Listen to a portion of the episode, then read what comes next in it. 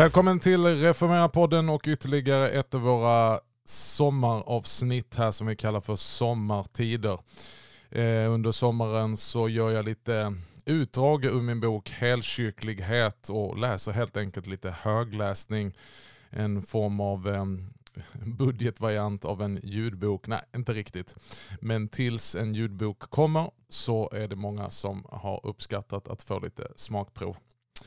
Innan vi ska ge oss in i dagens avsnitt så ska jag också tala om att även om vi njuter sommar och semester så är snart hösten här. Och under hösten eh, så har vi som vanligt något som har blivit en god tradition och samlat fler och fler fortbildnings och förnyelsedagar som EFS Sverigeavdelning eh, eh, organiserar tillsammans med olika lokala församlingar, Johannelunds teologiska högskola, Fjällstedtska och en mängd andra medarrangörer i år, även då Alfa Sverige.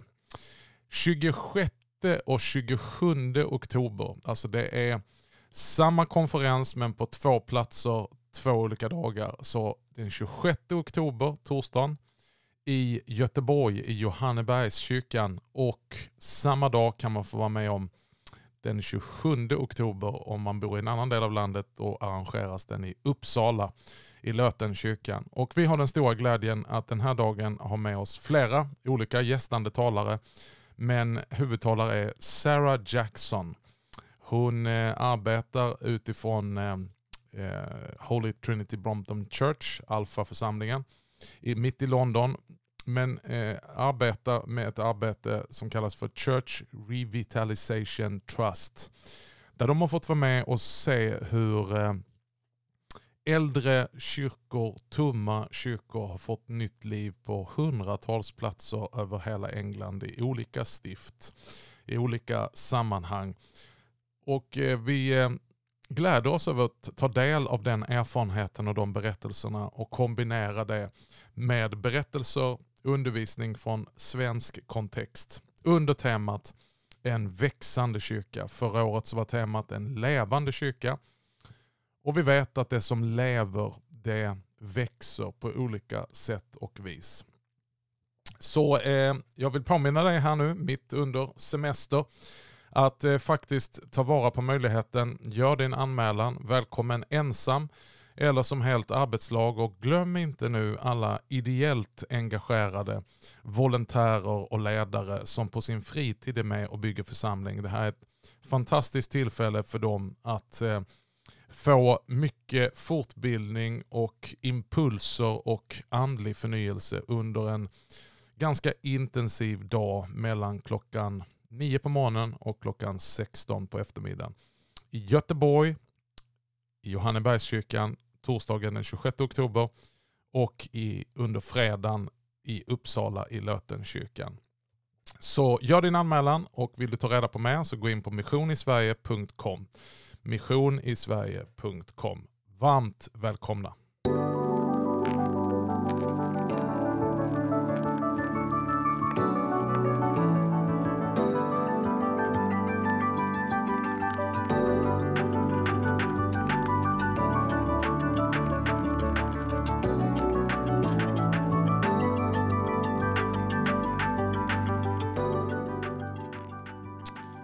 Vi fortsätter vår läsning ur helkyrklighet och vi börjar vid ett sammanhang i slutet av kapitel 3 som kallas för organisationsteori.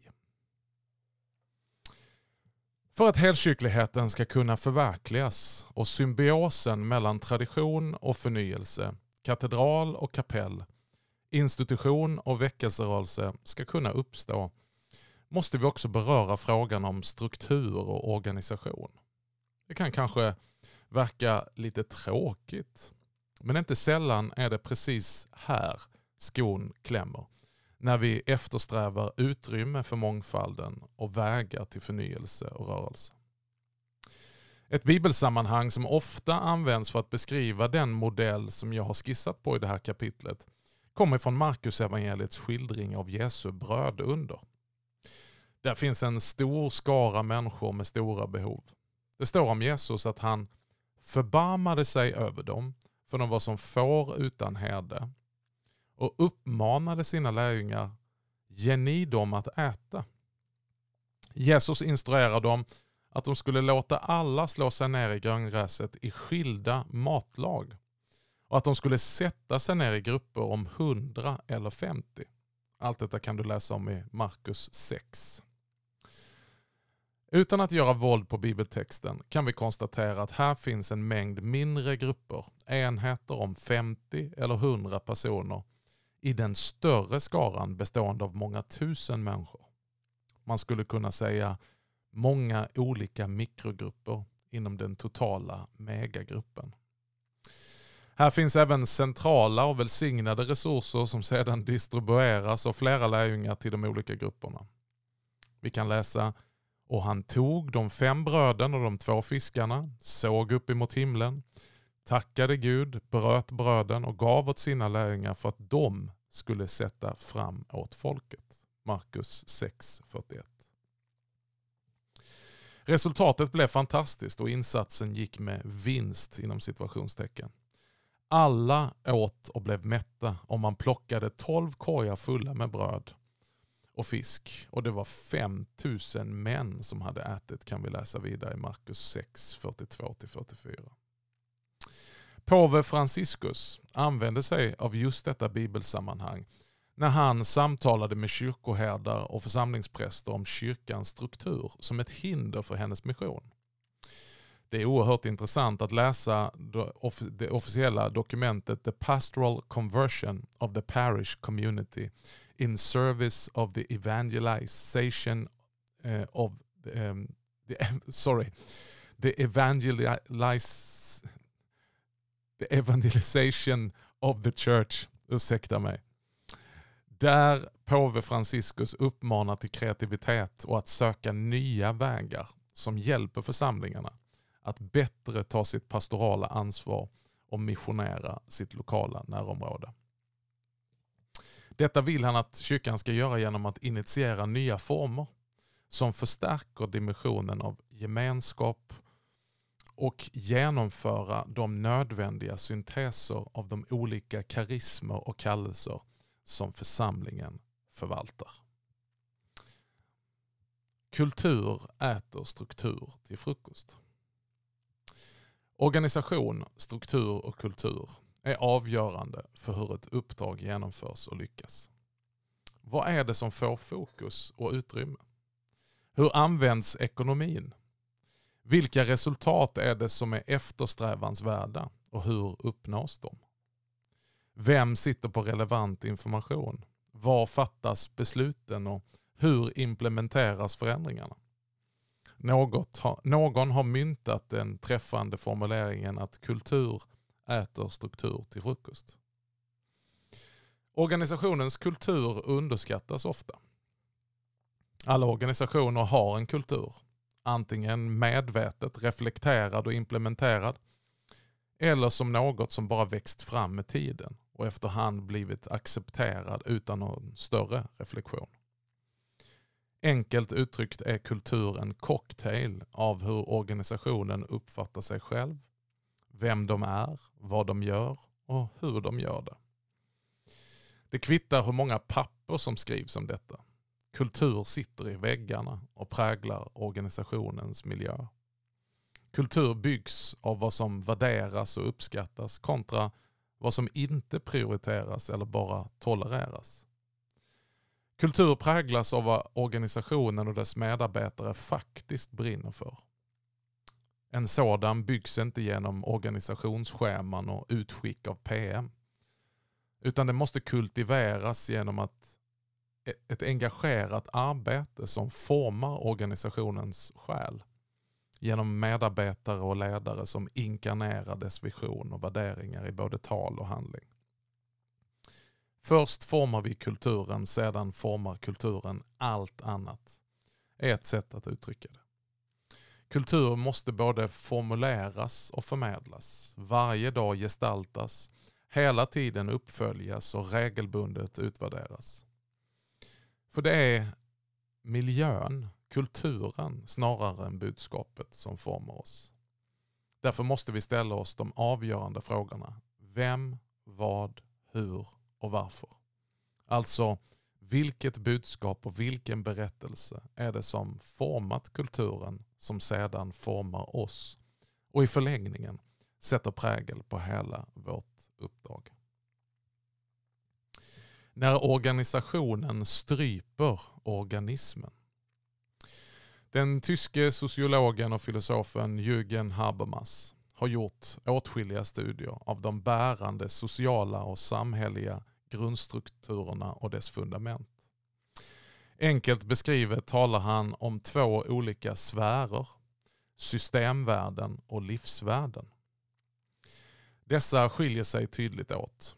Systemvärlden är organiserad genom formella och rigida strukturer som upprätthålls genom lagar, policies, tekniska och administrativa rutiner som stadgas och vidmakthålls av ett maktcentrum. Livsvärden utgörs av organiska och relationella samband. Den nära och tillitsfulla gemenskapen där allt flyter mycket friare. Den är inte formellt reglerad utan dynamisk och växer fram mer spontant genom olika oförutsedda skeenden. Problemet är att livsvärden ständigt krymper när den systematiseras och regleras av ett samhälle som tar över systemvärldens principer. Systemvärlden uppskattar inte det oförutsägbara. Dess vilja att övervaka, mäta, bedöma och kontrollera gör att även livsvärden drabbas. Även den ska helst struktureras enligt den sociala ingenjörskonstens allra senaste påfund om vad som är viktigt. Lägg till allt detta även marknadens och tidsandans ständiga bombardemang via annonser och slogans om allt som konstituerar det goda och eftersträvansvärda. Resultatet blir att livsutrymmet begränsas och på sikt slukas av ständigt nya krav på strukturer och förhållningsregler. Detta gäller både individer och kollektiv, enskilda personer såväl som stora organisationer. Kyrkan kommer inte heller undan detta utan är i många avseenden präglad av denna samhällsutveckling. Centralisering, styrdokument, rapporter, statistik, växande kanslin och minskande församlingar. Det andliga liv som uppstår i vad Habermas kallar för livsvärlden kidnappas helt enkelt av systemvärlden och begravs under högar av dokument och byråkratiska processer när det ska anpassas till och kontrolleras av formella strukturer. I västvärlden framförallt har New Public Management slagit igenom stort centraliserade organisationer med flotta huvudkontor, stora, struktur, stora strukturer med byråkratiska labyrinter, ett överflöd på administratörer och ett konstant arbete med rapporter, värdegrunder och policydokument har blivit vår tids melodi. Inom detta paradigm slänger man sig gärna med tjusiga ord som kunskapsintensitet, hållbarhet och utvärderingstäthet. Denna organisationskultur bärs upp av diverse klyschor och har kanske framförallt skapat trötta medarbetare som inte längre har tid för själva kärnverksamheten. I det nya arbetslivet i stora organisationer inom både privat och offentlig sektor sitter man idag mest i möten. Inte sällan är det faktiska utfallet av dessa möten ytterligare möten och markeringar i kalendern. Dokumenterad dysfunktionalitet.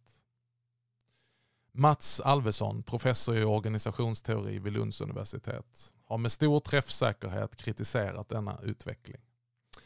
Han menar att företag och organisationer har förlorat fokus på sin kärnverksamhet och istället fyller dagarna med möten om hur man kan optimera och utveckla olika arbetsuppgifter som egentligen har ringa värde. För att ringa in denna utveckling har Alvesson formulerat begreppet funktionell dumhet. Det handlar inte om att människor i dessa organisationer är dumma. Men på ett funktionellt plan, det som faktiskt fyller arbetsdagarna, leder det hela sällan till några resultat bortom tjusiga formuleringar och rapporter. Den funktionella dumheten innebär också att kritiska frågor undanbeds till förmån för trivsel. Alvesson ställer viktiga frågor om hur, huruvida det myckna strategi och policyarbetet som pågår i moderna organisationer verkligen ger resultat eller om det mest är en form av skyltfönsterverksamhet som inte gör någon egentlig nytta. Denna utveckling har också skapat en marknad för diverse konsulter, föreläsare och coacher som för dyra pengar anordnar retriter och mötesdagar om visions och värdegrundsarbete. Alvesson tar sin utgångspunkt i Parkinsons lag. För drygt 60 år sedan publicerade den brittiske historikern Northcote Parkinson boken Parkinsons lag. Mest känd är nog lagen om byråkratins ständiga och orimliga expansion. Den administrativa påbyggnaden, nödvändig i viss utsträckning, tenderar att utvidga sig av egen kraft. Det blir lätt fler och fler hierarkiska nivåer, fler och fler regler, fler människor som sysslar med regelefterlevnad, fler och fler möten, mer planering och fler utvecklingsprojekt. Byråkratin håller människor sysselsatta. De som arbetar med administration och de som administrationen håller igång med en stridström av krav på att följa rutiner och rapportera och sammanträda och så vidare. Citat utifrån en intervju med Mats Alvesson i Proletären. I hela samhället har det skett en förskjutning mot huvudarbete istället för handarbete. De rent operativa arbetsuppgifterna negligeras allt mer. I samma intervju säger Alvesson, vi skulle nog alla tjäna på att det blir mer normalt att skaffa ett vanligt jobb istället för att vi har ett överflöd av människor som låtsas jobba med något slags kunskapsarbete. Kraven på dokumentation och processer kring så kallade mjuka värden tar idag mycket arbetstid i anspråk. Vilket kräver allt fler medarbetare som ägnar sig åt den här typen av kringverksamheter. Just dessa arbetsuppgifter blir ständigt fler och betraktas som viktiga. Trots att de faktiskt inte tillför mycket som skapar ett direkt värde. Varken för arbetsmiljön eller kärnverksamheten. Snarare har dessa system kidnappat organisationen och kramat livet ur den verksamhet som ursprungligen skulle utföras. Kyrkan som organism och organisation. I en intervju i kyrkans tidning från mars 2021 säger Kristoffer Wilson, kyrkoherde i Hägerstens församling, att samma utveckling äger rum inom Svenska kyrkan. Han säger, en kyrka med dåligt självförtroende i huvuduppdraget riskerar att fastna i policyarbete. Varje enskild policy är viktig, men tillsammans kostar arbetet församlingarna mycket tid och mycket pengar. Vi måste våga diskutera detta. Wilson fortsätter. Jag skulle kunna förfasa mig över hur tokigt det är att vi inte hinner prata om Jesus längre för allt policyarbete. Men det är en billig poäng. Policer behövs. Men i detta arbete måste vi hushålla med tid och helhet. Jag vädjar till alla som på central nivå utformar uppgifter till församlingarna. Tänk inte att din fråga är viktigast, utan att den är en av hundra frågor. Hur ska vi få tid med den? Hur ska vi bära den med oss? Wilsons frågeställningar delas av många kyrkoherdar. Även KG Hammar, ärkebiskop för Svenska kyrkan 1997-2006, uttrycker bekymmer över utvecklingen i en intervju med tidningen Dagen. Under hans tid som ärkebiskop skildes kyrkan från staten och han hoppades att detta skulle styra om utvecklingen till ett mer medlemsburet församlingsliv med en tydligare kyrklig profil. Hammar konstaterar dock att det snarare blivit tvärtom och att de byråkratiska dragen i kyrkans organisation har förstärkts. Han gör jämförelsen med frikyrkan som han menar drivs mer av engagemang från medlemmarna än vad vi i Svenska kyrkan gör. Det finns en fara i att vara en stark institution med anställda som riskerar att betrakta kyrkan som vilken arbetsplats som helst. Svenska kyrkan tycks vara uppfylld av en iver att vara bäst i klassen. En drivkraft som verkar bottna i en ängslan och osäkerhet kring sin egen identitet och uppdrag i världen. Historien av att ha varit en statlig förvaltning från statskyrkoapparatens tid tycks fortfarande sitta i ryggmärgen. GDPR, barnkonsekvensanalys, arbetsmiljöarbete, miljödiplomering, regnbågscertifiering, mångfaldspolicy och lokalförsörjningsplaner är bara några av dessa arbetskrävande och ekonomiskt betungande uppgifter. Intrycket är att frågor som rör kärnverksamheten, alltså församlingsutveckling, trons fördjupning och förnyelse, missionsuppdraget, allt som oftast hamnar i bakgrunden. Ärkebiskop Martin Modéus berör samma tema och skriver i sitt hädabrev när han var Linkö eh, Linköpings stiftsbiskop att han ofta möter en övertro på reglementen och regler. Något som jag uppfattar som en kvarleva från statskyrkotiden. I vårt organisations-DNA finns fortfarande gamla tiders statliga verks förhållningssätt. Dessutom får detta förhållningssätt draghjälp av nuets förkärlek för dokumentation, policyer, styrdokument och kvalitetssäkringsdokument. Vi är som organisation mer vana vid att syssla med systemvärden än livsvärden. Så långt citat Martin Modéus. Så vilken struktur, organisationskultur och miljö kommer att behövas för att implementera helkyrkligheten och ta vara på mångfalden? Hur kan kyrkan återfinna sitt centrum och samtidigt återvinna sin gemensamma generösa rymlighet? Modéus skriver vidare i sitt herdabrev om en rörelse från enhetlighet till mångfald. Rörelsen från enhetlighet till mångfald är en direkt utmaning mot det gamla statskyrkotänkandet. Den gamla statskyrkan styrdes genom reglementen och direktiv från central nivå. Med rötterna i 1500-talet uppfattade sig kyrkan också ha en riksnormerande roll. Mycket av detta tänkande sitter kvar i ryggmärgen. När vi möter nya utmaningar ropar vi ofta på centrala direktiv. Så långt citat Martin Modéus. Det är mycket glädjande och hoppingivande att läsa när Modéus deklarerar sin egen inställning som biskop. Han säger Min övertygelse är att framtiden tillhör mångfalden. Där vi mer orienterar oss efter ett centrum än utifrån rädslan att komma för nära eller stiga över gränserna. Öppenheten och mångfalden gäller också inom gudstjänstens område. Olika församlingar måste ha sina olika gudstjänststilar. Det finns naturligtvis många ransakande och viktiga frågor att ställa.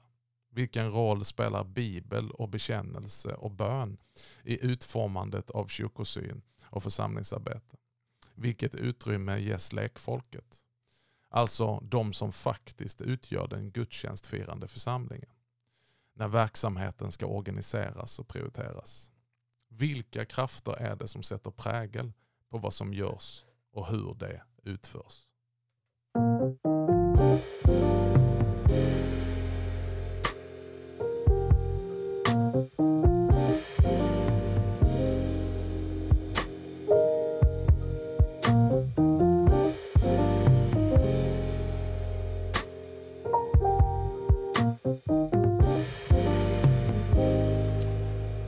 Stor och liten samtidigt. Idag brottas Svenska kyrkan med vad som framstår som ett systemfel. Där ett centra centraliserat koncerntänkande har växt fram. Där fokus ofta verkar ligga på någon slags nationell varumärkesutveckling och marknadsanpassning.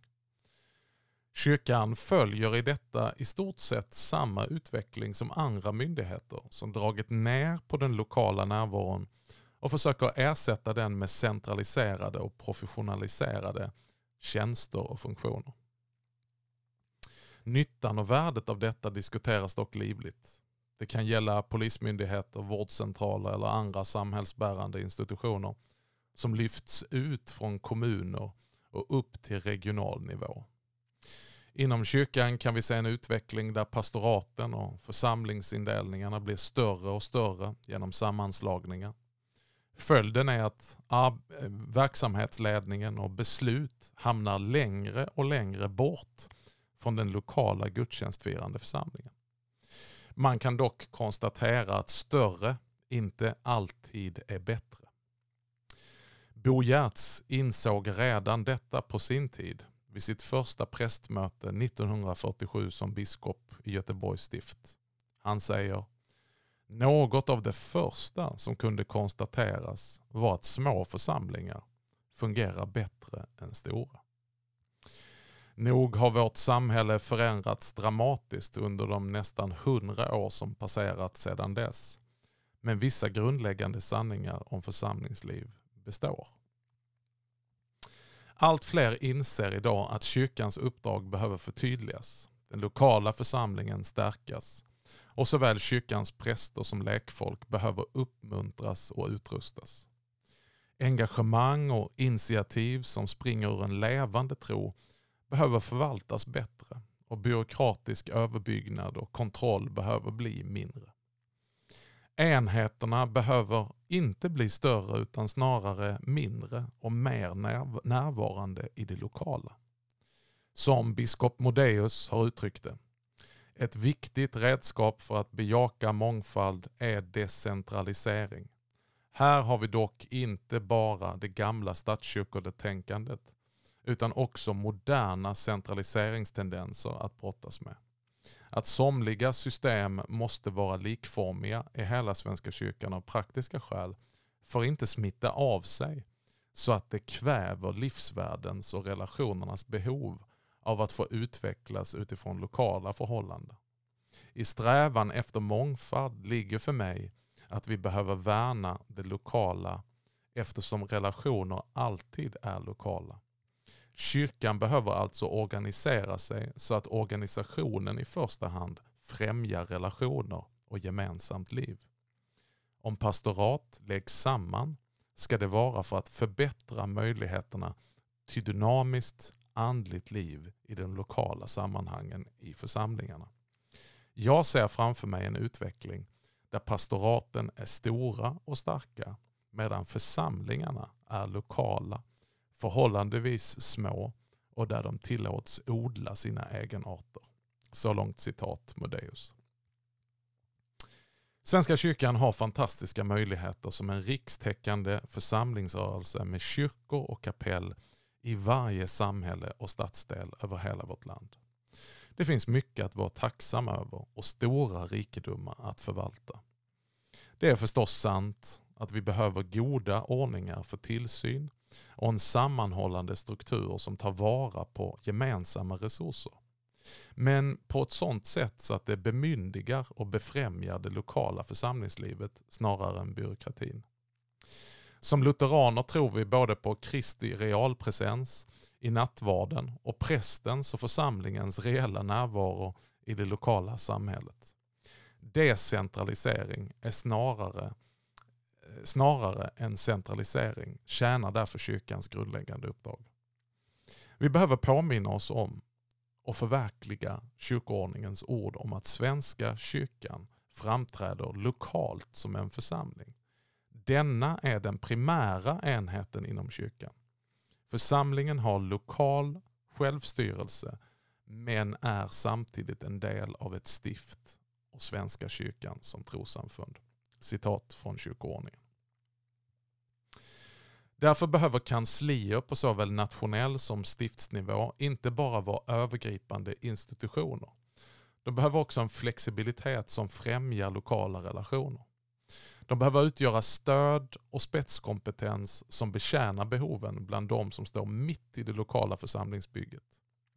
Kyrkoordningen slår vidare fast i samma stycke som citerades ovan själva målet med kyrkans grundläggande uppgift. Syftet är att människor ska komma till tro på Kristus och leva i tro. En kristen gemenskap skapas och fördjupas. Guds rike utbredas och skapelsen återupprättas. Allt annat som församlingen utför är stöd för och en konsekvens av denna grundläggande uppgift. Citat från kyrkoordningen. Här görs alltså en tydlig skillnad mellan huvudsyfte och stödfunktioner. Men vad händer när stödfunktionerna blir det centrala och vägledande? När så att säga skon får bestämma storlek och form på foten istället för tvärtom. Då sker en likriktning av all verksamhet för att passa in i mallen som har utarbetats centralt. Och det lokala församlingslivet får anpassa sig och ibland stympas till den rådande normen. Jag låter Modeus avsluta detta kapitel. Han skriver detta är en spännande och viktig utmaning i organisationsförändringarnas tid. Vi ska verkligen inte vara rädda för att förändra organisationen. Det har kyrkan alltid gjort. Om församlingen ska vara en levande gemenskap av myndiga människor som lever kyrka i vardagen behöver relationerna stå i centrum och gemenskaperna vara lokala. Det verkar som det ibland uppfattas som störande att ett sammanhang är lokalt. Avvikande, litet eller helt enkelt klara sig självt. Här behöver kyrkan medvetet arbeta med tolerans och öppenhet. Allt som är lokalt är inte bra. Vare sig det är stort eller smått. Men vi behöver inte strömlinjeforma våra sammanhang. Vi ska leta efter det som lever och som har energi och försöka stötta det. Så långt citat Martin Modéus. Tack för att du har lyssnat till dagens läsning ur ett valt sammanhang i boken Helkyrklighet. Och du som är nyfiken och vill ha fortbildning i mer av det som berörs här, välkommen till Mission i Sverige. Våra fortbildningsdagar i Göteborg och Uppsala 26 och 27 oktober. Där vi kommer att tala om en växande kyrka. Ett av de seminarierna som jag själv kommer till att tala om det är miljö för tillväxt. Allt som växer är beroende av miljön, klimatet. I vissa klimat vet vi att det växer bättre. Det finns några grundförutsättningar i miljön för att någonting ska kunna växa. Miljön kan leda till miljöförstöring som utesluter växt och det blir missväxt.